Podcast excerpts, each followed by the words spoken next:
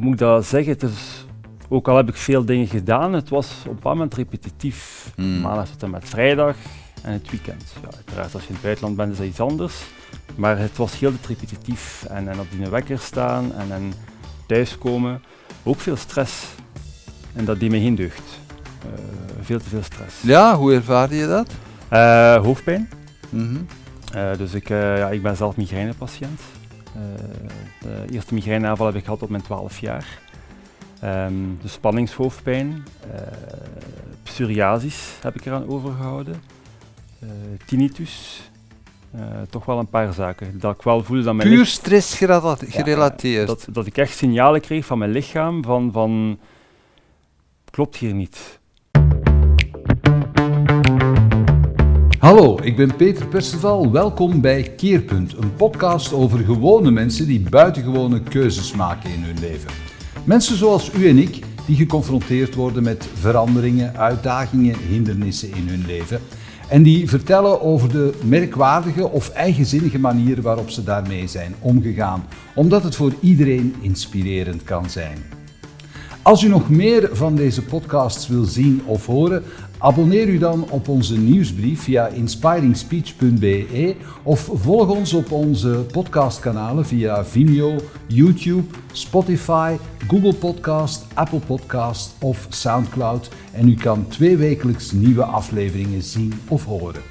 In deze aflevering praat ik met Jurgen van den Bergen. Hij is een ondernemer met een bijzondere missie.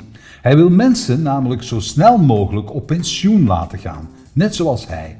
Vanaf jonge leeftijd al heeft Jurgen last van zware migraineaanvallen die hem op geregelde tijdstippen een paar dagen uitschakelen en dat doet hem beseffen hoe kostbaar zijn tijd is. Wanneer zijn vader dan ook nog eens sterft op zijn 68ste, amper drie jaar na diens eigen pensioen, staat Jurgens besluit vast. Hij wil zo snel mogelijk af van de druk om dingen te moeten. Op zoek naar manieren om dat te doen, doet hij een paar verrassende ontdekkingen. Dag Jurgen. Hey Peter, Jurgen, eh, wat moeten wij weten om te weten wie Jurgen is? wat moet je weten om te weten wie dat Jurgen is? Eh Jurgen is eh, iemand waar je op kunt bouwen. Jurgen is ook iemand die graag bouwt.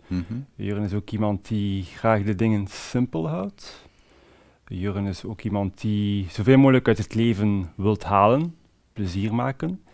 Ehm, ja, dat is, zo, dat is wel zo een, een vrij in- integrerende vraag. Hè. Eh, Hoe oud ben jij? 38. Oké. Ja, dus ik word eh, binnenkort 39. Dat is jong, hè?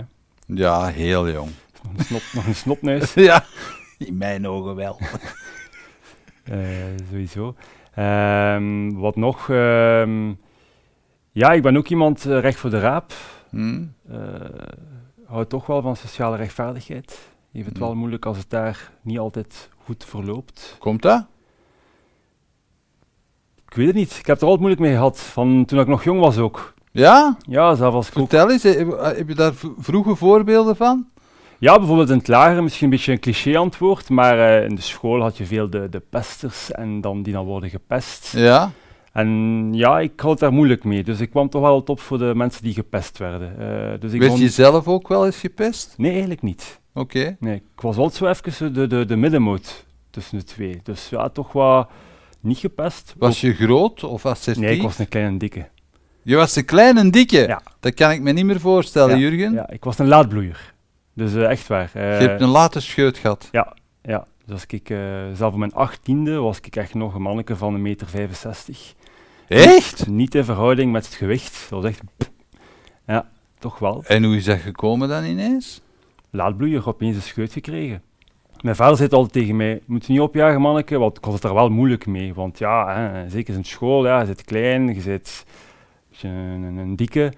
En mijn vader zei altijd, manneke, je niet opjagen, je gaat wel een scheut krijgen. Bij mij was dat ook zo. Ja. En opeens, ja, ja een keer dat zo rond mijn twintigste kreeg ik mijn scheut en dan was ik de volle meter 83. Ja. En het gewicht dat ik toen al had, dat is niet meegegroeid. Dus ik had die chance. dus eh, ja, dat was eh, opmerkelijk. Ja. Ja. Deed jij sport of zo toen je jong Voetbal. was? Voetbal? Ja. Ik was er niet goed in. die moeten er ook zijn. Die moeten er ook zijn. Ja. Veldvoetbal.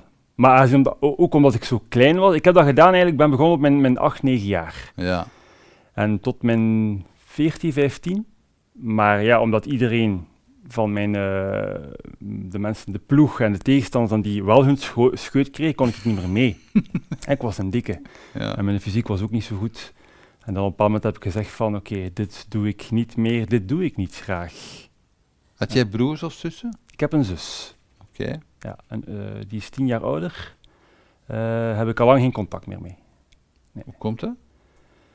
Ehm, ja, we schelen dag en nacht. Eh, die is tien jaar ouder en dat is nooit echt goed gegaan tussen ons. Eh, die is, ja, ehm, ik kan nu ook niet hier mijn zus te zwart maken, maar Nee. ehm, Hoeft niet. Maar ben jij een achterkomertje dan eigenlijk in de familie? Of eh, hoe zat dat? ja, ik ben wel wat een achterkommertje. Ja, toch Ah, wel. Toch wel. Hoe is het eigenlijk gegaan, het verhaal? Het is toch wel een tof verhaal eigenlijk. Als, mijn, als mijn moeder mijn vader heeft leren kennen, mijn vader was zes jaar ouder dan mijn moeder. Ja. Eh, en mijn moeder heeft mijn vader leren kennen op haar 17 jaar. Hm. En eh, mijn vader was zo'n beetje van het cafévolk. Je had Ronse, je had Brakel, mensen van daar kenden wel, vroeger was dat een beetje rivaliteit. En mijn vader was zo gezegd van het cafévolk en mijn grootouders waren daar niet zo fan van. Hm. En die waren daar ook tegen. En op een bepaald moment wilden mijn ouders trouwen. Mijn moeder was dan 18, mijn vader was dan 24. En dat mocht niet. Dus wat heeft mijn moeder gedaan? Van ja, weet je wat? Ja, zal ik hier maar zo dat ik zwanger ben, hè? dus ja, mijn moeder was dan Ah, zwanger. ja. En ja, dan in die tijd was het toch allemaal een beetje moeilijker. Hm. Eh, niet getrouwd, een kindje. En dan ja, moest ze wel trouwen. En zo zijn ze dan getrouwd. Op die manier. Oké. En dan, tien jaar later, ben ik, ja, op een bepaald moment wouden mijn ouders nog een kind. Ja. En tien jaar later, ja, kijk, hebben ze het nodige gedaan om dat in hang te steken. En ben ik dan ook eh, op deze wereld gekomen. Maar tussen mijn zus en mijzelf is dat nooit goed gegaan. Ja. Is dat leeftijdsverschil? Ik, ik weet het niet. ja, misschien ook als je natuurlijk elf jaar alleen bent met je ouders en er komt dan ineens een Ja. baby tevoorschijn, dan moet je Ja. natuurlijk de aandacht en zo delen. Dat is ook niet zo prettig, hè? Blijkbaar niet. Nee. Blijkbaar niet. Nee, maar hoe? De, dus jij bent afkomstig uit, eh, van de, uit- in de Vlaamse Ardennen, Brakel Rond- zeg je net? Ronse, ja. oké. Geboren en getogen in Ronse. heel mooie streek, Klopt. ook een beetje ruwe streek, hè? Ja. ja. Ja. Ja, toch wel. Vlaamse Ardennen. En daar ook altijd op gegroeid. Ja. En wat doe je nu? Nu zelf ben ik op pensioen. Maar je bent 38, zei je net? Ja. En je bent op pensioen? Ja. Oké, leg uit. Ehm, ja, door het al lang bezig te zijn met dat financiële, eh, door bepaalde inzichten en insteken te hebben en momenten die ik heb meegemaakt in mijn leven, de dingen toch anders beginnen bekijken. Eh, en dan echt financial savvy beginnen worden van hoe eigenlijk geld voor u laten werken en niet omgekeerd. Maar wat deed je dan voordat je op pensioen was? Dat is wel zo raar als te zeggen. Als ik voor, voordat ik op pensioen was, ik was altijd actief in de bedrijfswereld. Ik was consultant. Ja. Dus eh, ik ben ongeveer in mijn twintigste, want ik ben ook niet afgestudeerd, ben ik op mijn twintigste in de bedrijfswereld terechtgekomen. Mijn eerste job was eigenlijk in het magazijn. Eh, en zo ben ik, ik, ja, ze noemen dat dan de ladder omhoog gegaan. Hm? Eh, een goede 18, 19 jaar. En heb ik eigenlijk alles meegepikt van wat ik in een bedrijf kon meepikken. Ze noemen dat ook wel een beetje een generalist. Dus eh, alle afdelingen gedaan, gaande van aankoop, verkoop, boekhouding, eh, tot op een bepaald moment high management, bedrijfsvoering, HR en zo verder. Echt? Ja. Op zo, echt een autodidact op alle Ja. niveaus? Ja, dus Ja. door eh, ook veel kansen te krijgen uiteraard, de Mhm. kansen ook gezien en ze te, te, te nemen. Ehm, ook veel ervaring kunnen opdoen door naar, naar het buitenland te gaan, want op een bepaald moment was ik ook verantwoordelijk voor productieomgevingen, kwaliteitssystemen en noem maar op. En zo heb ik eh, landen bezocht als eh, China, Pakistan, Dubai, Bulgarije, Hongarije. En was in een, specifiek, in een specifieke bedrijfstak? Was er een, een sector waar dat je in werkte dan? De sector waar ik langs actief ben geweest, die waren actief in de humanitaire hulporganisatie. Oké. Zij zelf waren wel een commercieel bedrijf. Ja. Dus die, die verkochten goederen aan NGO's. Ah. Eh, en dat waren vooral shelter items, zoals tenten, dekens, plastieke basjes, jerrycans, noem maar Mm. op. En uh, verschillende fabrieken waren uiteraard in het Verre Oosten en ook in Pakistan. En op een bepaald moment zat ik dan in die afdeling van kwaliteit en productie en aankoop. En heb ik dan toch wel de kans gekregen om, om toch die, die landen te kunnen bezoeken, want dat zijn toch wel ja. ervaringen die bijblijven. En niet enkel professioneel, maar toch ook wel naar levenservaring. En zo ben ik dan daar terechtgekomen. En op een bepaald moment ja, een beetje van alles gezien en, en geproefd. En, en toch klopt er iets niet. In, in, in, in mijn manier van, van, van denken, van, van, van leven. Hoe oud was je toen, toen je dat begon te denken? Er klopt iets niet? Dat begon zo rond de leeftijd van Jezus, 33. En was, dat, was jij heel gelovig, nee, omdat je ziet de leeftijd van Jezus? Niet, totaal niet, totaal niet. Nee, totaal niet. Maar ja, dat is een bijblijver, Jezus ja, 33 geworden. Maar dan begon ik zo wat aan te voelen van, ja, dat, dat, dat, dat klopt niet. Dus het is, hoe moet ik dat zeggen? Het is ook al heb ik veel dingen gedaan, het was op een bepaald moment repetitief. Mm. Maandag tot en met vrijdag en het weekend. Ja, uiteraard, als je in het buitenland bent, is dat iets anders. Maar het was heel repetitief en, en op die wekker staan en, en thuiskomen. Ook veel stress. En dat deed me geen deugd. Uh, veel te veel stress. Ja, hoe ervaarde je dat? Uh, hoofdpijn. Mm -hmm. Uh, dus ik, ja, ik ben zelf migrainepatiënt. de eerste migraineaanval heb ik gehad op mijn 12 jaar. Um, de spanningshoofdpijn, psoriasis heb ik eraan overgehouden, tinnitus, toch wel een paar zaken. Dat ik wel voelde dat mijn Puur stress gerelateerd? dat, dat ik echt signalen kreeg van mijn lichaam van, van klopt hier niet. mijn lichaam ziet te veel af. Maar je zei, ik, ben, ik heb mijn eerste migraineaanval gehad toen ik 12 mm was. Herinner je je nog waar dat vandaan kwam, hoe dat, dat, hoe dat, dat getriggerd werd? Op dat moment, uh, mijn moeder heeft ook migraine. Ja. Dus het is ook wel, ook wel wat in de familie. Uh, getriggerd, um, op dat moment zit je ook in school. Mm -hmm. Dus zit je ook in een bepaald ritme. En ik deed dat niet graag. Ik, ik, ik zat niet graag in een opgelegd ritme. Mm -hmm. Op dat moment had ik dat totaal nog niet door. Achteraf bekeken, als ik de reflecties begon te doen, kan ik dat nu wel op die manier uh, verhalen. Mhm. Maar gewoon door, door iets te moeten doen dat ik niet graag doe. Mhm. En dan uit dat zich enorm op mijn lichaam. En dan ja, op 12 jaar mijn eerste migraineaanval gehad. Gelukkig, beetje raar dat mijn moeder weet wat dat, dat is. Dus die mhm. heeft mij dan heel goed opgevangen. Wat deed ze? Uh, die heeft heel lang bij mij gelegen, naast mijn bed. Um, omdat ze wist, mij gerustgesteld, omdat ja, de eerste keer dat je dat meemaakt, uh, mensen die migraine hebben zullen wel weten waarover ik spreek. Ja, dat is, dat is hel, hè. je weet niet wat er gebeurt. Dus dat is echt, je, je hoofd staat op, op, op een plof. Dat is iemand dat in de binnenkant van je, iemand achteraan eigenlijk je, gezicht naar achter trekt. Dat er echt allemaal wordt samengetrokken. Uh, het, is, het, is, meestal langs, ook langs een bepaalde kant. Bij mij is dat links vooral. Mm -hmm. En dat is het gevoel dat er iemand een mes inkotert en een keer een beetje terug en er weer dieper in gaat. En ja, je hebt op een bepaald moment kan je niet meer tegen het geluid, licht, je verdraagt niks meer. Dus precies op dat alle momenten in je hoofd gaan ploffen. Oké. En dat is heel, heel pijnlijk. Ja. Op dat moment, mijn moeder wist uiteraard wat dat was. En ja, die heeft dan daar wel mij kunnen daarin helpen. En ja, naarmate dat ik dan ouder werd, ja, die migraineaanvallen kwamen wel meer en meer op. Het probleem was, in de week zelf, als ik dan actief bezig was mm. in dat ritme, school of werk, mm. ja, je bent heel constant bezig en dan heb je precies geen tijd om een migraineaanval te hebben. Het is dan vrijdagavond, oké, en dan de zaterdagochtend word je wakker en dan is het daar. Hè. Dus die decompressie van heel de week opeens de zaterdag, boem. Op het moment dat je lichaam voelt van hier heb ik ruimte, ja. komt die migraine naar boven. Ja, en dat is dan om, ja, dat, dat, is, dat is frustrerend, dat is niet leuk, want je wordt er ook niet echt gelukkig van. Uh, omdat je zegt van ja, heel de week ben je bezig, mm. dan is het eindelijk weekend, kan je ontspannen, maar ja, dan heb je die migraine en dat kan soms een dag duren. Ja, ik wou je eens vragen, hoe lang duurt het dan? Bij mij was dat een dag. Maar het probleem is, uh, na een dag ben je zodanig uitgeput mm. dat je de dag erop, dan de zondag, ja, ben je niks waard. Dan moet je mm. bekomen. En dan is het weer maandag en zijn we weer vertrokken.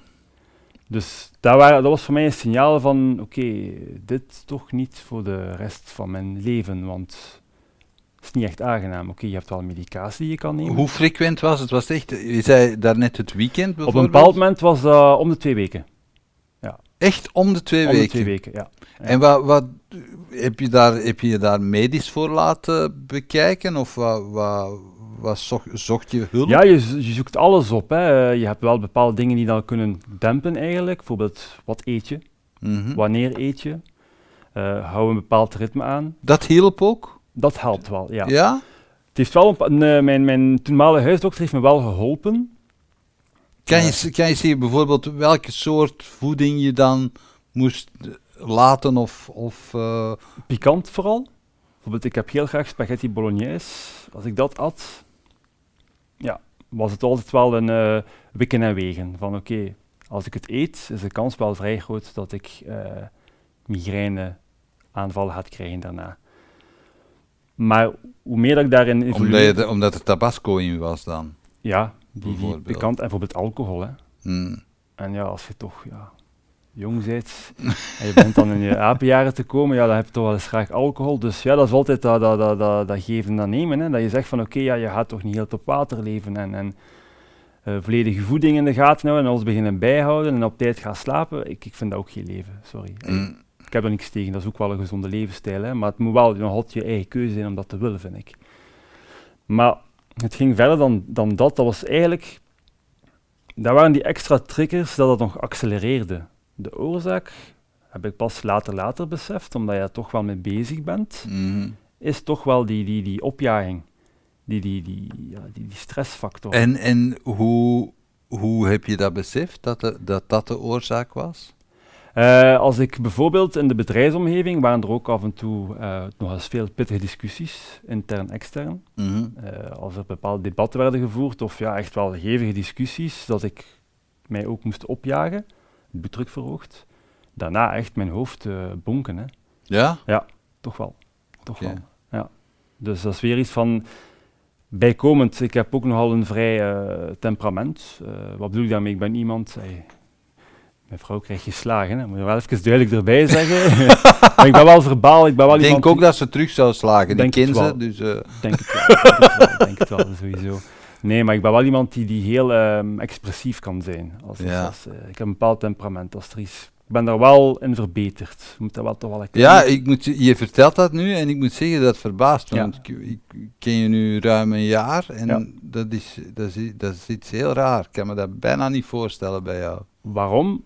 Als ik mij opjaag, ja, dan, dan is de kans vrij groot dat ik met die pijn zit. Ah ja. Dus dan ben je toch te zeggen van oké, doe het anders, eh, word kalmer.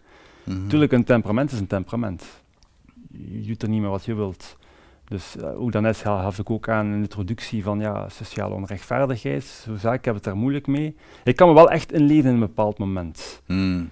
En ik ben ook heel enthousiast. En, en, en nog iets, als ik bijvoorbeeld te enthousiast word, ja, dan, dan, dan krijg je ook emoties. En daar kan ik ook hoofdpijn van krijgen. Ja, dat is, dat is, dat is lastig, hè? Dus te blij is ook niet goed. Ja, in die context niet, nee. nee. Dat is een heel moeilijk gegeven. Ja. Er popt nu een vraag mee, ik ga ze gewoon stellen. Jurgen, Ja? als je niet wilt antwoorden, moet je moet het niet zeggen. Maar Ja. speelt dat dan ook een rol bij seksuele Ja. opwinding?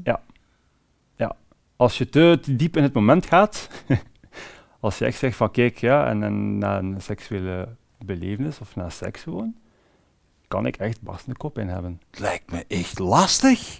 Dat is Ja. een afknapper. Dus het kan wel een kokblokker zijn, zoals ze zeggen. Ja. Op een bepaald moment was het ook niet meer leuk, ook voor, voor, voor mijn partner, in de zin van. Eh, ja, je, je, je, je gaat heel de week ben je bezig in dat ritme. Het is vrijdagavond. Ja, je gaat dus graag weg met, met, met vrienden. Mhm. Je wilt je amuseren, maar dat ik, ey, ik had gewoon geen, geen zin niet meer.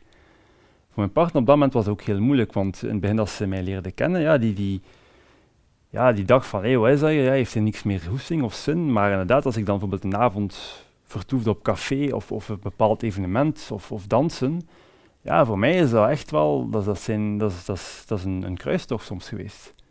En dat is niet leuk. Dat is echt niet leuk.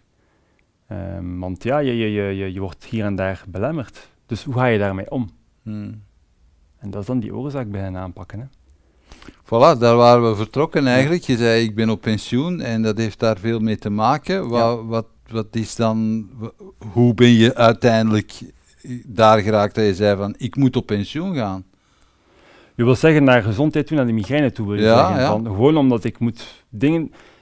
Ik doe niet graag dingen tegen mijn zin. Ik denk Mhm. dat dat voor iedereen geldt. Ja, Eh, maar bij mij is dat enorm, enorm. Als ik iets moet doen dat, dat ik echt niet graag doe, dan, dan, dan is dat echt heel moeilijk. En dan ben ik mij op te jagen en, en ja, dan, dan komt die hoofdpijn. ja. Dus ik moet dingen doen die ik graag doe. Maar heel concreet, wat was het moment dat je zei van, oké, ga ik, hoe lang ga ik dit uitzitten? Ga ik hier nog lang bij, ga ik hier nog lang mee rondlopen? Wanneer heb je echt die knoop doorgehaakt? Op een bepaald moment dat toch eh, mijn vader is overleden. Oké. Ja. Eh, hij is Hoe oud was hij? 68. Eh, heel zijn leven gewerkt. Dus hij was pas op pensioen eigenlijk. Kleine drie jaar. Mhm. Ehm ja, was mijn beste maat. Hè. Dat was, was, was mijn, mijn mentor, mijn, mijn vader. S S'nachts een beroerte gekregen. En vier dagen later was het gedaan. En dat was echt wel voor mij, echt wel, oké, wake-up call van... Hoe oud was jij toen? Ik was, dat was toen ik 38, 32. Oké. 32. En dan dacht ik van nee, niet op die manier. Dit klopt hier niet. Er is iets niet juist van, van heel te moeten te presteren, te presteren, te presteren. Dingen doen die je niet graag doet. Dan op een bepaald moment bereik je de pensioenleeftijd. Ja. Van nu ga ik genieten van mijn oude dag. Mhm. Doe wat ik graag doe, wat ik koestingen heb. En ja, als ik dan het voorbeeld neem van mijn vader, drie jaar later was het al gedaan. dacht ik van ja, nee, dat, dat is hier echt eh, niet de juiste manier van leven. Oké. Je kunt dat dan denken op uw 32 of uw 33. Mhm. Maar ja, de realiteit is natuurlijk, Jurgen, dat je maar 32 bent en dat je een beroepsloopbaan van, laten we zeggen, als je geluk hebt, 12 jaar al bij Ja. elkaar hebt op dat moment. Mhm. Maar de wetgever eist van jou eh, 43 tot 45 jaar bijdragen voor hij u op wettelijk pensioen stuurt. Ja. Maar dat had jij niet natuurlijk. Dus hoe, hoe, hoe ben je daar dan over beginnen nadenken? Wel, inderdaad, dat zijn dingen dat je moet bij stilstaan. Dus op een bepaald moment ga je ook wel, ja, ja, ja, je gaat ook als een zelfstandig meer te werk. Je neemt een zelfstandig statuut aan. Ehm, Maar nu pakte een hele korte bocht, hè, want tot dan was jij gewoon in dienst aan het werken. Ja. En je zegt van ja, oké, je neemt zelfstandig statuut aan, maar was dat voor jou zo vanzelfsprekend? Ik neem graag wel wat, wat, wat risico, ja. Toch wel. Ja? Ja, toch wel. Je hebt geen kinderen, hè? Nee, Oké. nee, dat is wel een factor die meespeelt. Dat moet ik nu ook wel niet onder stoelen en banken steken. Eh, zowel eh, mijn vrouw en ik, we hebben geen kinderwens. Mhm. Dat heeft wel een bepaalde, hoe moet ik dat zeggen, Geeft je meer marge. Meer marge, heeft je wel iets meer vrijheid, omdat je verantwoordelijk bent voor jezelf en ja, voor je vrouw en omgekeerd, en je bent twee volwassen personen. Mhm. Heb je kinderen, moet je daar wel wat anders over nadenken. Maar dat maakt het ook niet onmogelijk, zou ik zeggen. Sowieso niet. Nee, want ze zeggen in het eh, vliegtuig, zeggen ze ook altijd, eh, als er zuurstof wegvalt, geef eerst jezelf zuurstof en dan pas je kinderen. Voilà. Hè? Dus Ja. dat is, Maar je verwoordt wel mooi, Peter, het geeft wel meer marge. Ja. Je hebt wel meer die buffer om, om toch bepaalde richtingen uit te gaan, bepaalde beslissingen te nemen. Eh, Hmm. Dat je zegt van oké, ik ga nu die richting. Ook waarom? Omdat ik zeg van ja, ik heb geen zin meer in, in, in die Maar pijn. was dat echt van de dag op de andere dat je zei van, Nee, ik nee, wil, nee, niet, nee. Meer, ik wil niet meer in, de, in die red race blijven hangen? Nee, dat, dat was al een tijdje aan het spelen uiteraard. Hè, eh, omdat ik ook al altijd heb gevoeld van er klopt hier iets niet. En, en Mhm. heel het gebeuren hier en het, het, het, het maatschappelijk denken, hoe dat we moeten... Hoe dat ons wordt voorgeschoteld van oké, je gaat naar school, je moet een mooi diploma gaan halen, je, je, je, ontmoet iemand, een partner, je koopt huisje, tuintje, kinderen, je, koopt dan, je moet dan je lening afbetalen. Dat, dat, Mm. dat zijn dingen die, die dat, dat klopt niet in mijn manier van denken. En je bent uiteraard ook dingen op te zoeken. Je zoekt ook gelijkgestemden uit. Ja, want eh, dat, was, de- dat was mijn volgende vraag. Je, je kan dat allemaal wel denken, maar je kan dan, voor de, als, je, als je je licht gaat opsteken ergens, bij je familie, of Oh ja. je verwoordt dat, dan zeggen die allemaal, zeg je niet goed juist. Waar zijn die Ja. mee bezig, man? ja. Van, wat, wat, wat zeggen die hier nu allemaal? Was dat ook zo bij jou? Eh, bij mijn ouders niet. Nee, bij mijn ouders niet. Bij mijn vrienden waren er veel. ik heb veel van die vrienden zijn, heb ik nu geen contact meer mee. ja, omdat je verliest ook op een bepaald moment daar, vrienden in. Ja, toch wel. Daarom? Ja, omdat die, die ja, dat, dat is iets, je doet iets, dat, dat is niet, je doet iets anders en, en dat, dat, dat klopt niet en je verliest daar wel mensen door. Ja, toch wel. Als je daar veel Omdat je zegt, ik ga mijzelf financieel onafhankelijk Ja. maken. Er zijn een paar boeken die, uiteraard heb ik daar ook veel over gelezen, mensen die dat ook hebben gedaan en, en die beamen dat ook. Van hou Ja. er rekening mee, je gaat mensen verliezen. Het kan zelf familie zijn. Dat is een keuze die je maakt. Gelukkig, mijn ouders die stonden daar volledig achter. Mijn vrouw ook, want zij was ook al in die richting aan het denken. Dus daar waren we al twee gelijke stemden. Dat is een Mhm. heel groot pluspunt uiteraard. Mhm. Maar mensen die, dat, die zeggen van dat, dat, dat, dat, klopt hier niet. En, en, en Wat zeiden ze dan tegen jou? Allee, ja, je hebt toch een, job. Allee, je moet Mhm. niks doen. Je mag naar het buitenland gaan. Ja, oké. Maar op een bepaald moment begon ik ook wel iets meer in de cijfers te gaan. Eh, Mhm. Ik heb mijn eigen tijd, ja, als het ware, meetbaar gemaakt. Van oké, mij wel cijfers bijgenomen. Bijvoorbeeld, Dat is boeiend, hoe heb je dat gedaan? In een ontwikkeld land, om het zo te zeggen, worden we gemiddeld 80 jaar. Eh, de man 79, de, de vrouw 82, gemiddeld 80 jaar. En dan heb ik gewoon beginnen denken van oké, 80 jaar en dan beginnen omzetten naar weken, naar dagen, naar uren. Heel simpel. Dan op een bepaald moment heb ik dan die oefening op mijzelf gedaan. Oké, mijn doorsnee week. Aan wat besteed ik nu mijn tijd? Echt letterlijk gedaan, van maandag tot en met zondag. Van 12 uur s'nachts tot de volgende dag. Alles opgenoteerd. Een interval van een half uur, een uur. Gaat er nu ook niet te detailistisch in ook, want dan ben je Mhm. ook wel verloren. Ja. Maar gaande van slapen, ontbijten, gaan werken, naar het werk rijden, ontspanning, ehm iets gaan drinken, sporten. Ik heb dat gedaan over mijn eh doorsnee week. Mhm. En dan heb je wel een paar categorieën dat je daar makkelijk kan uithalen eigenlijk. Je hebt een categorie bijvoorbeeld quality time, tijd met je gezin, familie en vrienden. Je hebt een categorie me time, tijd voor jezelf, dat is een hele leuke. Mhm. Je hebt dan de categorie slapen, want mensen moeten eenmaal slapen. Want ja, dat is ook Mhm. logisch. Je hebt ook nog een, een, kleinere categorie ja, dingen die je moet doen om je leven te houden. Noem ik dat bijvoorbeeld naar de winkel gaan, boodschappen doen, dus naar een dokter gaan of eens in een auto binnensteken. ja, dat kan allemaal ja, gebeuren. ja. Mhm. En dan hebben ze zo een heel grote categorie en dat was voor mij heel confronterend en dat was toch wel die... Hoeveel tijd spendeer je op de werkvloer en in de werkomgeving? En dan heb ik dat in een simpel Excel-bestandje gedaan, daar een grafiekje uitgetrokken met een paar balkjes. En die balk van, die laatste balk van de werkomgeving, ja, dat was zo. En al die andere balken waren, en de plezantste balken, dat waren hele kleine balkjes. en ja, dan dacht ik van, oké, hier klopt iets niet. Dat kan toch niet? Ben ik ben dingen opzoeken? Ja, je, Ja. je zoekt op, je, je, je, zoekt informatie op. Heb ik ook te weten gekomen Maar dat... kwam dat uit jouw interesse? Want je, had, je hebt ook een ding time management gedaan, hè? Ja, ik heb... Ik, ik ga een, een obsessie is misschien al veel zeggen, maar ik ben gepassioneerd door tijd. Ja. Ik vind dat fascinerend. Tijd. Vanuit je, vanuit je migraineverhaal ook. Ja, want op een bepaald moment, eh, als je ja, in je bed ligt met een migraineaanval, ja, dan lig je daar de pijn te verdringen. Ja.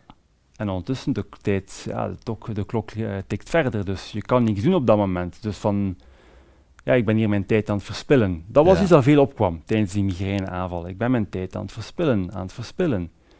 Dus als het blijven hangen, en op die manier begon ik wel meer en meer in, die, die, in dat tijd, maar echt wel het, het, het, het meetbaar te maken van, oké, hoeveel tijd hebben we? En wat spendeer ik mijn tijd? Ik moet nu wel zeggen, Peter, als ik die oefening had gedaan, en ik zag die werkbalk, ja, een dag daarna zat ik wel weer in mijn bed met een migraineaanval van het verschiet.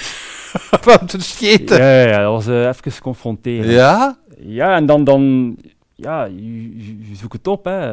We werken gemiddeld 90.000 uren Ja. in ons leven. Gemiddeld. Mhm.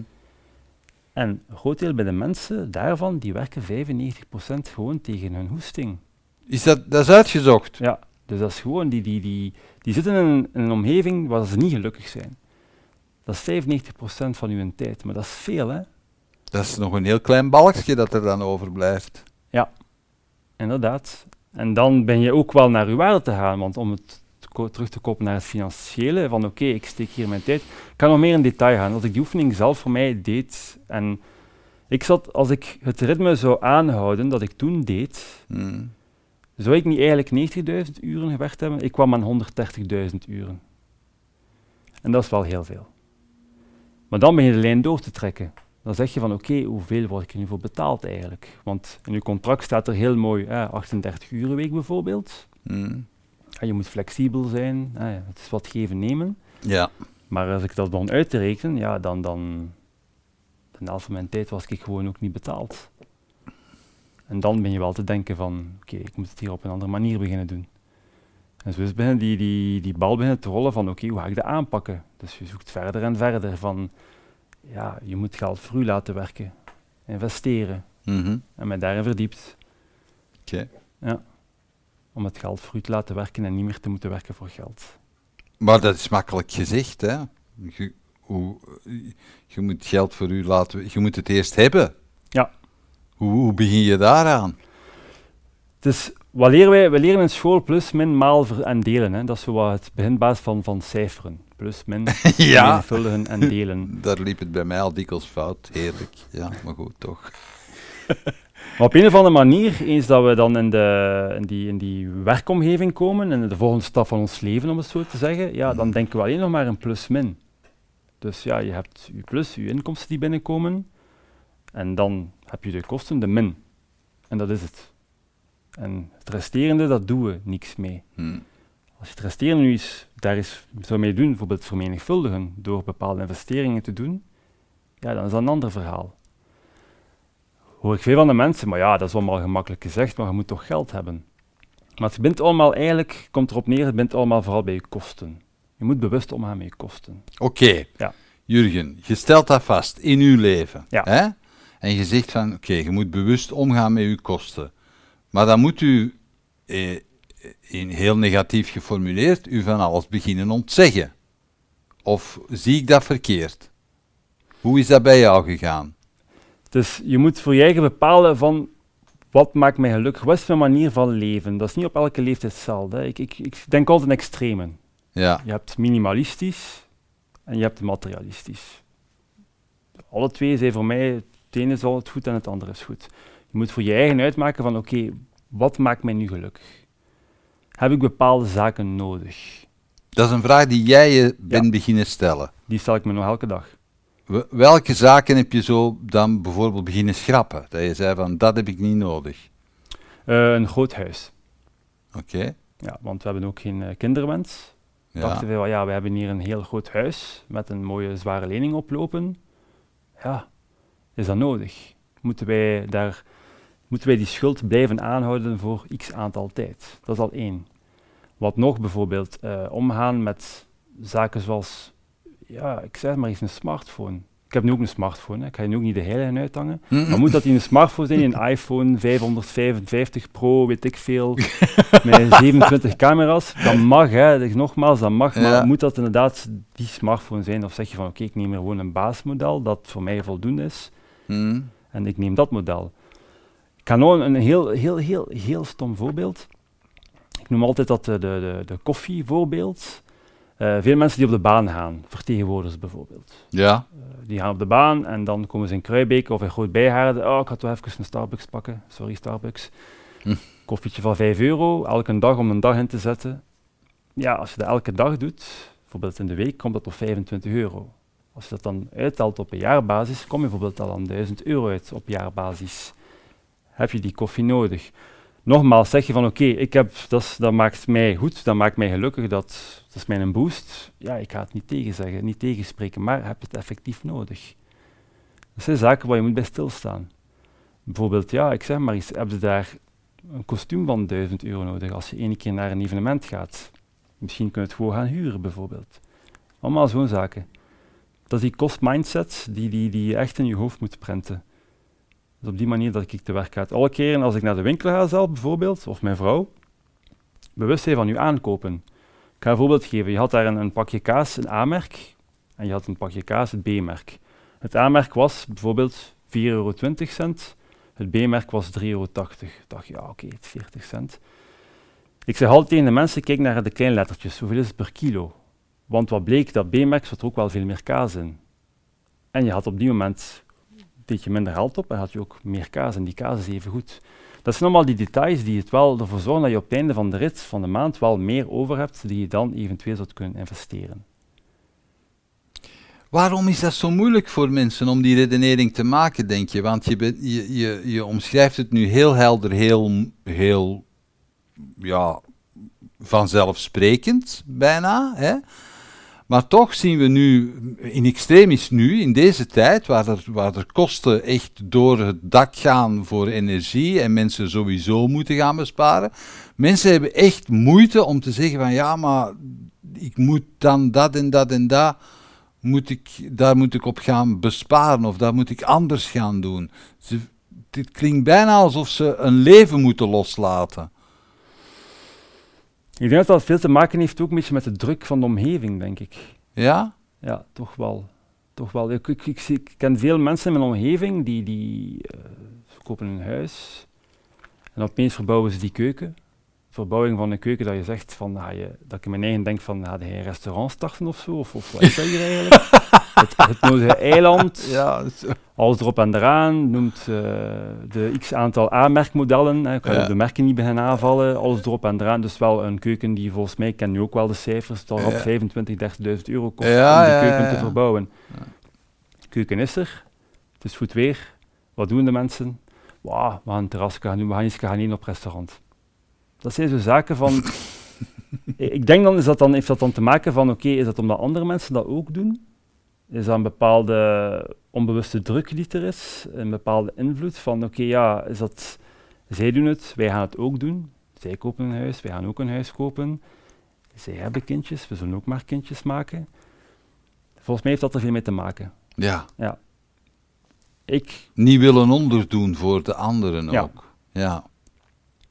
Ik, ik herinner mij, ik heb een hele tijd in, uh, in, in Boeghout gewoond. En uh, Boeghout is bekend in Antwerpen als een soort residentiële gemeente met, uh, met mooie huizen en zo. Hoewel daar ook gewoon heel veel gewone mensen wonen. Hè? Maar dat heeft toch een naam, Boeghout. Hm. Hè?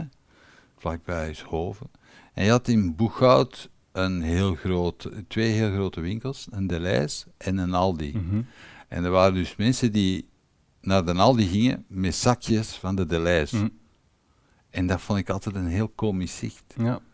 Want die waren dus in de, in de Aldi, waren die dan eigenlijk zo, die zo in, zo'n beetje schichtig, die zakjes haalden die boven, ja. zakken dan hun grief van de Aldi in die zakjes van de Deleis. Ja. ja. En dat is volgens mij ook de reden waarom dat mensen... Ik, ik, ik vind dat soms moeilijk te, te, vatten, want ik persoonlijk heb daar heel last van. Om, ik ja, ik ook niet. Ik ben, ik, ben, ik ben met Aldi opgegroeid, dus ik vind dat ook niet erg. Ja, en ook het feit wat mensen soms van jou denken, vind ik ook. Veel mensen staan daar zijn heel veel bezig, denk ik, wat denken de mensen van mij? Sterker zelfs, ik ken een sterrenchef hier in Antwerpen die alles bij de Aldi koopt. Ja. Allee, nu genoeg reclame voor de Aldi. Nu komt er ergens op scherm zo, ja. al die de beopeningsuren. Waarom denk jij wij een blauwe muur hebben? Ja, die kolletjes hier. Sponsored bij Aldi. Nee, dat niet. Dat niet. Nee, maar uh, ja, ik wil maar zeggen, dat is, een, dat is inderdaad een belangrijke factor. Sociale druk, ja. sociale wenselijkheid van uw gedrag. Ja. Maar goed, daar, daar, heb jij dus, daar heb jij dus komaf mee gemaakt. Maar dan kan je nog zeggen van, oké, okay, ik kan dat doen... Maar dan moet je ook wel een plan hebben. Heb, had jij dan een, een soort plan opgesteld van ik wil zoveel, uh, ik, allee, dit, dit, zijn mijn financiële doelen, ja. ik moet dat gaan... Moet je wel doen. Hoe, hoe, hoe, hoe zag dat eruit dan? Je hebt daar iets heel, iets heel gemakkelijks voor eigenlijk. Dat is, je moet, het komt erop neer, je moet nagaan wat zijn mijn, ben bij de kosten nog altijd. Ja. Je moet eens kijken wat zijn mijn jaarlijkse kosten. Dat moet je eens bekijken. En dat is heel gemakkelijk. Hè. Nogmaals, je kan dat heel simpel doen. Neem bijvoorbeeld twee maanden in, in een jaar. En een, een, maand dat je weet van oké, okay, hier doe ik wel wat meer geld op en die Aha. maand doe ik wat minder geld op. Mm -hmm. Technologie is er nu eenmaal. Ga naar je bankapplicatie, uh, neem je afschriften van die maand en dan moet je even je huiswerk maken van oké, okay, bepaalde onderverdeling, oké, okay, de winkel, ehm, fitnessabonnement, ik zeg maar iets, Netflix bijvoorbeeld, telefoon en zo verder en zo verder en zo verder. Dan neem je de andere maand, dus dan heb je een mooi gemiddelde en dan zie je, oké, op jaarlijks basis doe ik zoveel geld op. Dat heeft al een heel mooi inzicht. Want dan ben je al eens denken van, tja, want het kan soms wel vrij hoog zijn. Ja, je kan daarvan schrikken, ja. confronterend van, Mhm. oh, dus dat is al één mooi inzicht. Wat je dan moet doen eigenlijk, is gewoon dat, dat getal moet je maal 25 doen. En dan kom je een bepaald bedrag uit. Waarom al 25? Dat heeft te maken met een bepaalde studie van Trinity. Ja? Die hebben aan die studie, ik ga niet te veel in detail gaan, want anders gaan we allemaal in slaap vallen, maar het komt er gewoon op, komt er gewoon op neer. Die studie heeft aangetoond, als je een bepaald bedrag hebt geïnvesteerd, Hm? kan je daar, der- kan je daar 25 jaar van, kan je daar 30, sorry, excuseer, 30 jaar van leven. Zolang dat je niet meer dan 4% afhaalt. En dan moet je die 100 gewoon delen door 4%, is dat 25. Dat klinkt misschien nu wel een beetje, wow, wat is dat hier allemaal? Maar dat is eigenlijk... Ja, de, ik- dat eh, gaat nu in mijn hoofd. Ping! Wat? komt erop neer, er is wel over Dus je hebt nu kosten Ja, maal en 25. maal 25 Ja, gedaan. en dat moet je dan geïnvesteerd hebben. Dus dat is een, een streefbedrag dat je moet gaan halen. Ja. Oké. Ja, en als dat bedrag... En hoeveel was dat bedrag bij jou dan? Bij mij was dat bedrag eh, rond de 800.000. 800.000 Ja. euro. Dat is een fikse. Dat is de moeite. Dus dat is uw streefdoel dan. Ja, dus dat, moet, Hoe- dat hoe- bedrag moet dan geïnvesteerd zijn. Maar goed, je, je had al een stap gezet. Je had gezegd Ja. van dat huis, dat heb ik eigenlijk niet nodig, Ja. dat ik hier aan het afbetalen ben. Dus ik verkoop dat terug. Ja. En ik ga kleiner wonen. Dat is al een grote stap. Ja. En ondertussen, ja, ik was ook wel eh, actief uiteraard in de bedrijfswereld. En oké, ik heb wel heel veel uren geklopt. Ik heb ook wel goed mijn boterham verdiend. Je had nog een, een kapitaaltje Ja. opzij staan. Ja. Oké. Ja. Ja. Ja. Hoe, hoe- mag ik indiscreet zijn en vragen hoeveel, je was, hoeveel dat was aan de start? Aan de start dat ik opzij had, Ja, een 100.000. oké. Ja. Dus daar kon, je, daar kon je mee beginnen? Ja. Ja. Goed. 100.000. En dan? En dan, heel belangrijk, want ik ben ook geen budgetcoach, want het gaat altijd over de kosten. ja. Dus je hebt je kosten, maar daarnaast is het ook wel belangrijk dat je ook, ja, ik ga een voorbeeld geven, je hebt je inkomsten, je plus. Ja? Stel nu, je hebt elke maand, ik ga nu heel simpele bedragen gebruiken, eh 2000 euro. En oké, jij slaagt erin om je kosten te verlagen, waardoor dat je meer geld kan sparen. Sparen bedoel ik gewoon opzij zetten. Ik zeg niet spaarboekje, hè. Dus opzij zetten. Ja, stel dat je zegt van ik sla hierin om hier nog 1000, om mijn kosten te, te herleiden tot 500 euro. Zolang dat die 2000 euro daar blijft en daar komt er ook niets bij, ja, dan Ja. is die verhouding ook niet juist. Dus je moet ook je inkomsten verhogen. Hm. En dan moet je ook wel wat, wat ja, improviseren is het woord niet, maar we leven ook in een digitaal tijdperk. Er zijn veel mogelijkheden dat van vandaag. Dus zorg hier en daar van een passief inkomsten op te bouwen. O, Passieve inkomsten? Ja, Hoe? dus in, passieve inkomsten zijn bijvoorbeeld, dat wil zeggen van ja, je, je, je, je, je doet iets. Ik ga voorbeelden geven. Hè. Bijvoorbeeld iemand maakt een applicatie, een bepaalde app. Mhm. Die app wordt op de markt gezet en die app wordt verkocht. Ja. Dus die persoon moet op dat moment, hij moet niet meer actief bezig zijn om inkomsten te genereren. ja, maar dat is niet voor iedereen weggelegd, toch, Nee. Jurgen? Nee.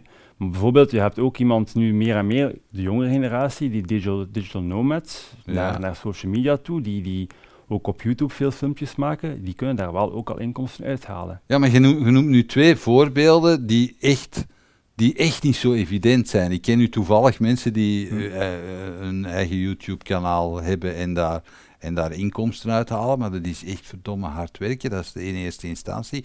En dat fluctueert enorm.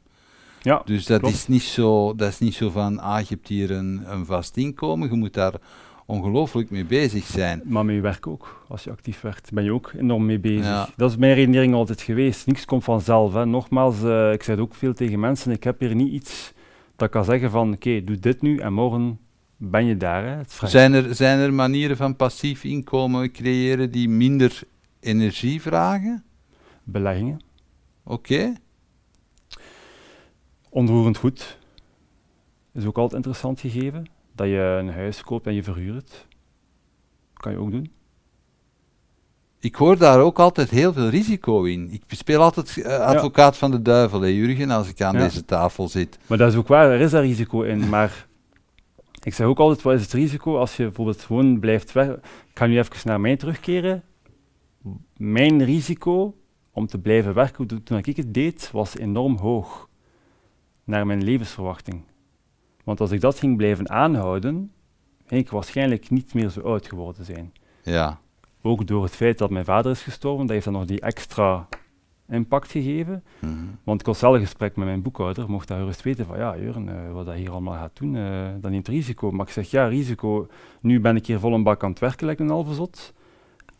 Superveel stress, superveel hoofdpijn. Dus ik ben mijn lichaam aan het belasten, wat nooit goed kan zijn, want je doet roofbouw op je lichaam, vroeg of laat. Mm Uitzicht dat. Mhm. Dus wat is het risico dan hier? Dat is hoe ik het bekeken heb. Wat zou je zeggen tegen mensen die zeggen van ja, jullie dat is allemaal goed en wel, maar je gaat dat thuis en je gaat wat, gaat wat opzij gezet. Dus hoe raak ik aan die 100.000 als ik niks heb? Hoe raak je aan die 100.000 als je niks hebt? Ja, je moet, ze zijn altijd van 1 euro 2 euro maken is altijd moeilijker dan als je al 100.000 euro hebt. Dat klopt. Ja. Voor die 100.000 euro heb ik wel ook al veel moeten vooropgeven hè, door te gaan werken inderdaad. Ja. Door het klassieke model te volgen en ja, vol een bak te werken en uh, goed om te gaan eigenlijk. En, en ik ga een ander voorbeeld geven. Dus je doet dat een tijd. Kan het ook zijn dat je zegt van oké, ik ga maar, eh, ik, geef een hypothetisch voorbeeld. Kan het ook zijn dat je zegt van oké, ik ga werken, hè, ik ga x tijd werken, ik ga dan mijn basis bij elkaar hebben en ik ga, dat is het moment waarop ik start met mijn pensioenplan, zogezegd. Hè? Ja. Maar dan, dan kan je zeggen van ja, ik doe nu werk de, de, beetje de redenering die jij gedaan hebt. Ik doe nu werk voor dat en dat en dat. Uh, voor, ik doe dat, dat soort werk voor die vergoeding. Dat is eigenlijk te weinig voor wat ik nu doe. Dus ik ga mijn vergoeding proberen te verhogen. Inderdaad, je kan ook altijd vragen achter een loonsverhoging, sowieso. Hè? Ja. Dat is al één ding die je moet doen. Hè? Je moet ook altijd naar je eigen waarde schatten. Dus als je in een bedrijfsomgeving, als je werknemer bent, uh, geloof mij, ze betalen nu altijd wat ze moeten betalen, maar conform meestal, maar ze gaan ook niet rap loonsverhoging geven. Dat moet je zelf ook durven vragen. Dat is al één ding. Dat is voor veel mensen een barrière. Hoe, hoe, hoe, hoe zou je mensen daarin advies geven? Wat, wat is een goede manier om je eigen waarde te bepalen? Een goede manier om je eigen waarde te bepalen is te kijken van... Ja, dat heeft ook een beetje te maken met mindset hè, en toch wel wat, wat zelfvertrouwen. Ja. Van als je in een bepaald bedrijf werkt, wat betekent ik voor dat bedrijf? Mhm. Stel nu, ik werk vandaag niet meer in dit bedrijf, wat zou het impact zijn op dit bedrijf? Dat is mhm. bijvoorbeeld al iets wat je kan doen. Uh, en dan moet je kijken van oké, wat is mijn meerwaarde naar dit bedrijf? Door die acties te ondernemen, je moet alles naar cijfers herleiden, want als je zo gesprekken aangaat, is het money talk. Sowieso. Mhm. Moet je kunnen aantonen van kijk, door die en die acties te doen, is bijvoorbeeld dit rendement al gestegen. Of door die en die actie te doen hebben we zoveel klanten bijgekregen. Of door die en die actie te doen zijn de aankopen veel verminderd. Mhm. Je moet het altijd herleiden naar cijfers. Dat is voor veel mensen verstaanbaar. Mhm. En dan moet je dat gesprek gewoon aangaan. Zeker een dag van vandaag. War of Talents. Ik noem het Waste of Talents bijna. ja, het is, het, is, gewoon absurd. Um, zeker nu voor de, voor de jongere generatie, vooral dan. Want ik richt mij vooral naar de jongere generatie. Ja ja, je, je, je moet ervoor gaan. Bedrijven hebben u nodig. Er is een schaarste op de markt. Uh, sowieso, als je van een bedrijf werkt en je voelt van ik ben niet betaald naar mijn waarde, moet je dat gesprek direct aangaan. Altijd. Altijd. Oké. Dan gaan we eens terug naar het, uh, het kapitaalsopbouw. We waren bij passief inkomen. Je zei uh, Beleggingen is een, is een manier. Wat zei nog? Onroerend goed? Onroerend goed. Dus vastgoed eigenlijk? Vastgoed, ja. ja? Um, is dat zomaar... Kun je daar zomaar inspringen? Vastgoed vraagt wel tijd. Ja? Vastgoed is wel... Ze noemen dat passief in. Je kan er een passief inkomen uitbouwen, maar je moet er wel in het begin veel tijd in steken. Waarom? Omdat het toch wel iets... Het risico is lager. Het rendement is mooi. Hmm is heel inflatieproof, want geld in een steen steken is nog altijd de way to go om inflatie tegen te gaan. Ik blijf erbij. Maar het vraagt wel in het begin wel wat, wat, wat moeite. Je moet wel de juiste mensen kennen. Je moet weten hoe je met een bank gaan spreken. Je, je moet nog je notaris hebben. Je moet bijvoorbeeld toch wel misschien een advocaat. Je moet andere mensen die het al gedaan hebben, die moeten ook in je netwerk zitten. Netwerk is wel heel belangrijk, onroerend goed. Dus in het begin vraagt dat wel tijd. Maar dat zeg ik ook altijd, de meeste mensen die in een bedrijfsomgeving werken, een bedrijf is ook een heel goed lanceringsplatform om je netwerk uit te bouwen. Hmm.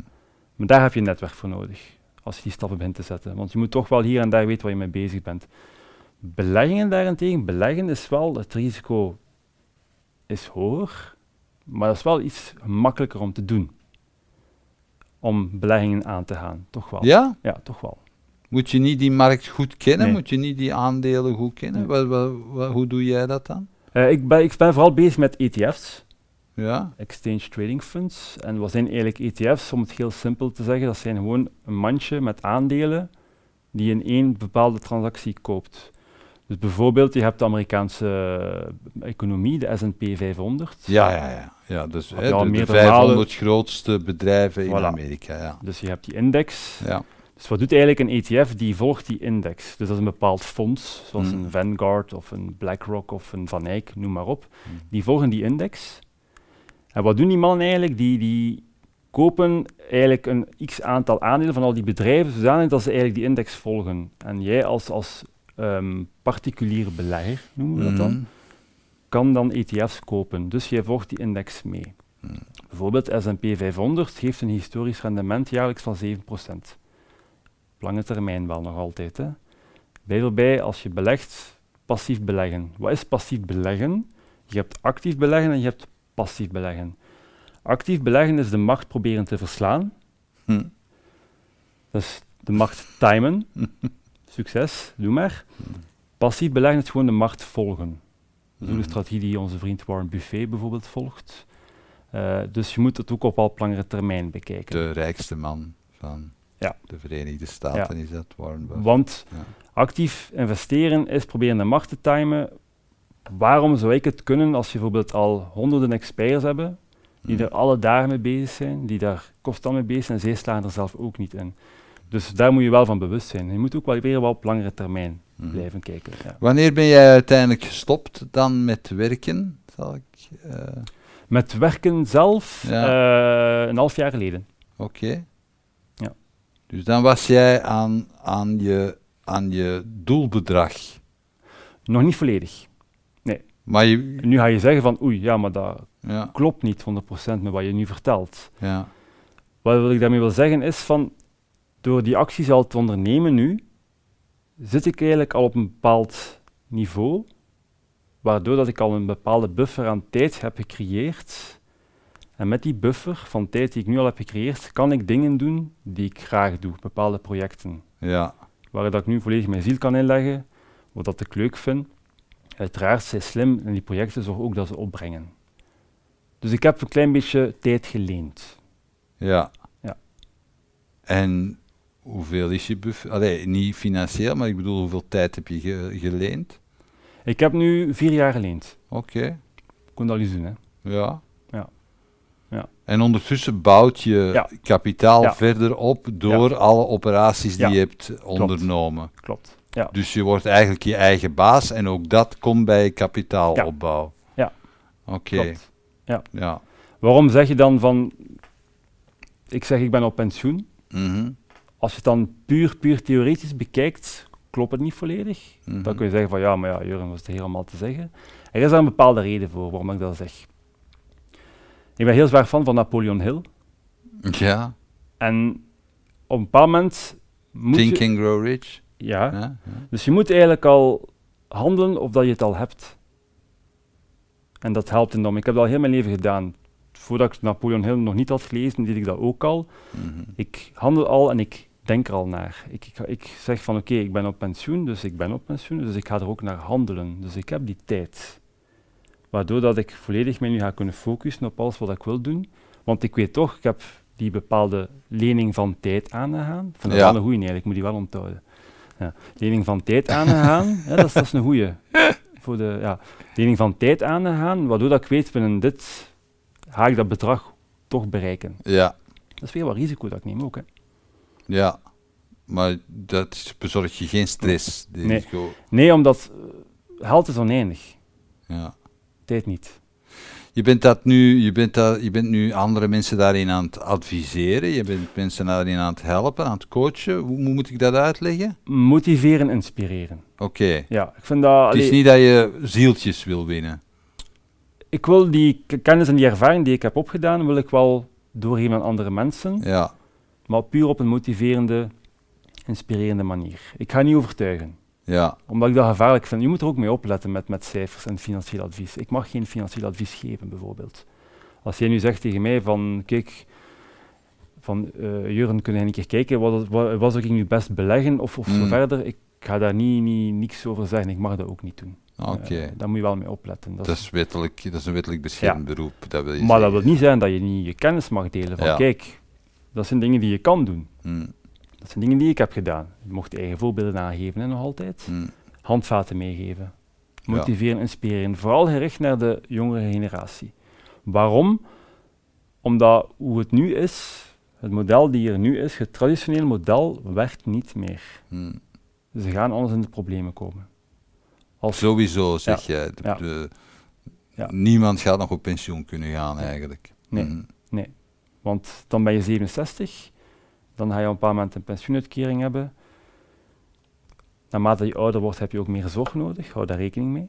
Hm. Mensen beginnen te zoeken met de gezondheid, kost geld en dan dat gaat niet lukken. Je moet, je moet op een andere manier te werk gaan. Het, het oude sparen van vroeger, hè, dat Ja. zeggen. Maar sparen nu op een spaarboekje, ja, Dat kost geld. kost geld. ja. ja, als je nu 100 euro spaart, ben je sowieso 9 euro kwijt. ja. En oké, dat is een momentopname, want in eind jaren 80 hadden we op een bepaald moment een inflatie van 13%. Maar als je het gemiddelde neemt, is de inflatie toch wel jaarlijks 3%. Ja. Dat is toch wel veel. Dat is heel veel. Dat Dus je geld dat uw smelt geld weg. echt wegsmelt. Ja. Maar eh, ik wil dat wel een belangrijk meegeven, want zoals ik zijn er nog een paar mensen die die, eh, Mhm. die financiële onafhankelijkheid eh afkondigen, is verkeerd uitgedrukt. Je moet wel nog altijd een, be- een bewaarpot hebben, noem ik altijd. Hm. Ik zeg niet tegen de mensen van, of ik, ik geef geen handvaten mee, hey, mannen, alles investeren. Hè. Nee, nee. Hou altijd wel iets op kant. Je weet nooit wat er gebeurt. Hm. Je moet toch wel een bepaald bedrag nog altijd op kant hebben, dat je zegt van oké, ik kan daar wel gemakkelijk eh, overbruggen. Ja. Maar mensen hebben schrik van geld. Geld is eigenlijk een opportuniteit. Dat is wat ik bij veel mensen merk. Hm. Mensen hebben schrik van geld. Bijvoorbeeld in veel, Mensen hebben ook schrik om te zeggen dat ze er hebben. dat is een taboe. Behalve echt heel welstellende mensen. Merk ik. Ja. Bij mijn klanten. Dat is een taboe, maar ze zouden dat meer moeten bespreekbaar maken. Hm. Ik ken nog niet veel mensen tegenkomen van kijk, ik verdien nu zoveel. En wat merkwaardig is bij de echt heel grote kapitaalkrachtigen, die, die paar klanten die ik zo heb, die hebben ook geen enkel probleem om het te delen eigenlijk. Waarom zou je het niet delen? Mhm. Ja. Dus het taboe rond geld moet ook dringend Doorbroken worden. doorbroken worden. Dat is een heel groot taboe. Ja. Hoe komt dat? Is dat Vlaams? Is dat, is dat iets... Is dat angst? Ja, we gaan de mensen denken van mij. Ja? Ik denk dat we daar weer, weer terugkeren op dat verhaal. Hè, van, van Ja. ja, eh, verdien ik wel genoeg, want hij verdient zo, hij of zij verdient zoveel, ik verdien maar Hmm. zoveel. Hmm. Ja, moet ik dat wel zeggen.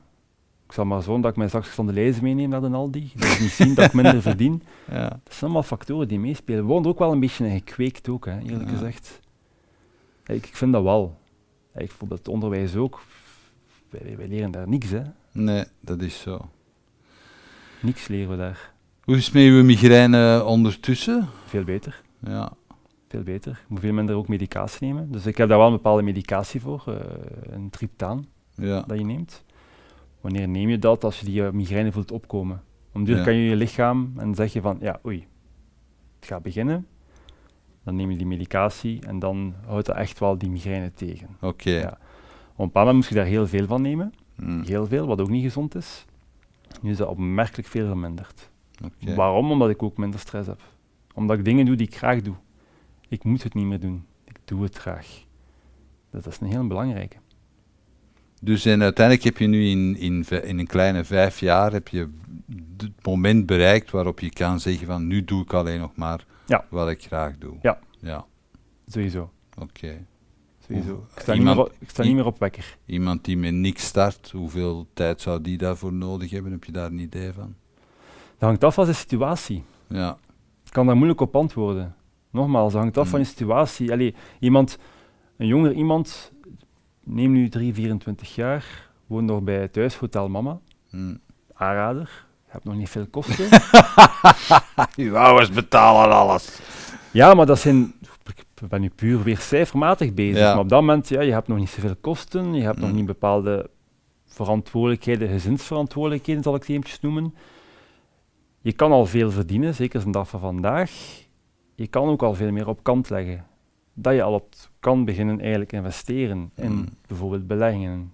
Waardoor dat je geld veel sneller bent te compounden. Waarschijnlijk heb je daar ook al gehoord van het Mm. compound effect. Ja. Maar dat is enorm. Dat is dus ook uw ingesteldheid? Ben je iemand die graag die keuken heeft van 25.000 euro? Of ja, die, die een carport zet en die, ja, die zwembad wilt en die elke week sneakers koopt, die graag elke week drie keer gaat gaan eten op restaurant? Ja, nogmaals, dat zijn keuzes die je maakt. Maar dat verhoogt wel je cijfer van je jaarlijkse kosten. Hm. En dat maakt het tastbaar. Je jaarlijkse kosten zijn dan ook veel hoger. Maal 25, ja. Dan moet je zeggen van oké, ga ik aanpassingen doen? Doe ik het, doe ik het niet, doe ik het wel? Bewuster omgaan met alles. Maar vergeet ook die inkomstenstroom niet. Daar zijn er ook veel mogelijkheden. Ja, oké. Ja. Jurgen, als jij nu jezelf zou tegenkomen als jongeling, wat zou je nu tegen jezelf zeggen dan? Had maar allemaal eerder geweten. en niks geloven wat ze op school zeggen, niet volgen en doe je eigen ding. Ja. Ja. En nog vroeger stoppen met school dan? Ja, ik ga je heel hard in tegen het onderwijs, hè, maar eh, waarom? Omdat ik, ik geloof niet in het onderwijs, de manier hoe dat nu gebeurt. Misschien Ja. dat het ondertussen is veranderd, maar als ik het zie, denk ik niet. Eh, ik, ik ben niet afgestudeerd. Dus eh, ik heb wel mijn, mijn middelbaar gedaan. Hoe noem je dat? Humaniora. Dat is ook nog zo'n mooi woord. Ja. Dan heb ik twee jaar hogeschool gedaan. Falikant gebuist. Ja. Zwaar gebuist. Ik heb gezegd van nu is het goed geweest en nu doe iets anders. En, en wanneer heb ik dat besef gehad? Als je denk ik je middelbaar hebt gedaan, je schoolboeken en je agenda zo, je moet een x aantal tijd bijhouden. Hebben ze mij altijd wijs gemaakt. Je moet dat jaar bijhouden blijkbaar. Ja, ja. Dus op een bepaald moment, toen dat ik nog in mijn eh, ouderlijk huis woonde, na die tijd, na een jaar, van oké, ik ga dat een keer allemaal bekijken en ja, wegsmijten, hè, al die, die, die Mm. paparazzen. Dus je bent erin te kijken, hè, eh, wat je allemaal hebt gezien en geleerd. En dan denk ik van, ja, ik heb er totaal niks bijgeleerd. Niks.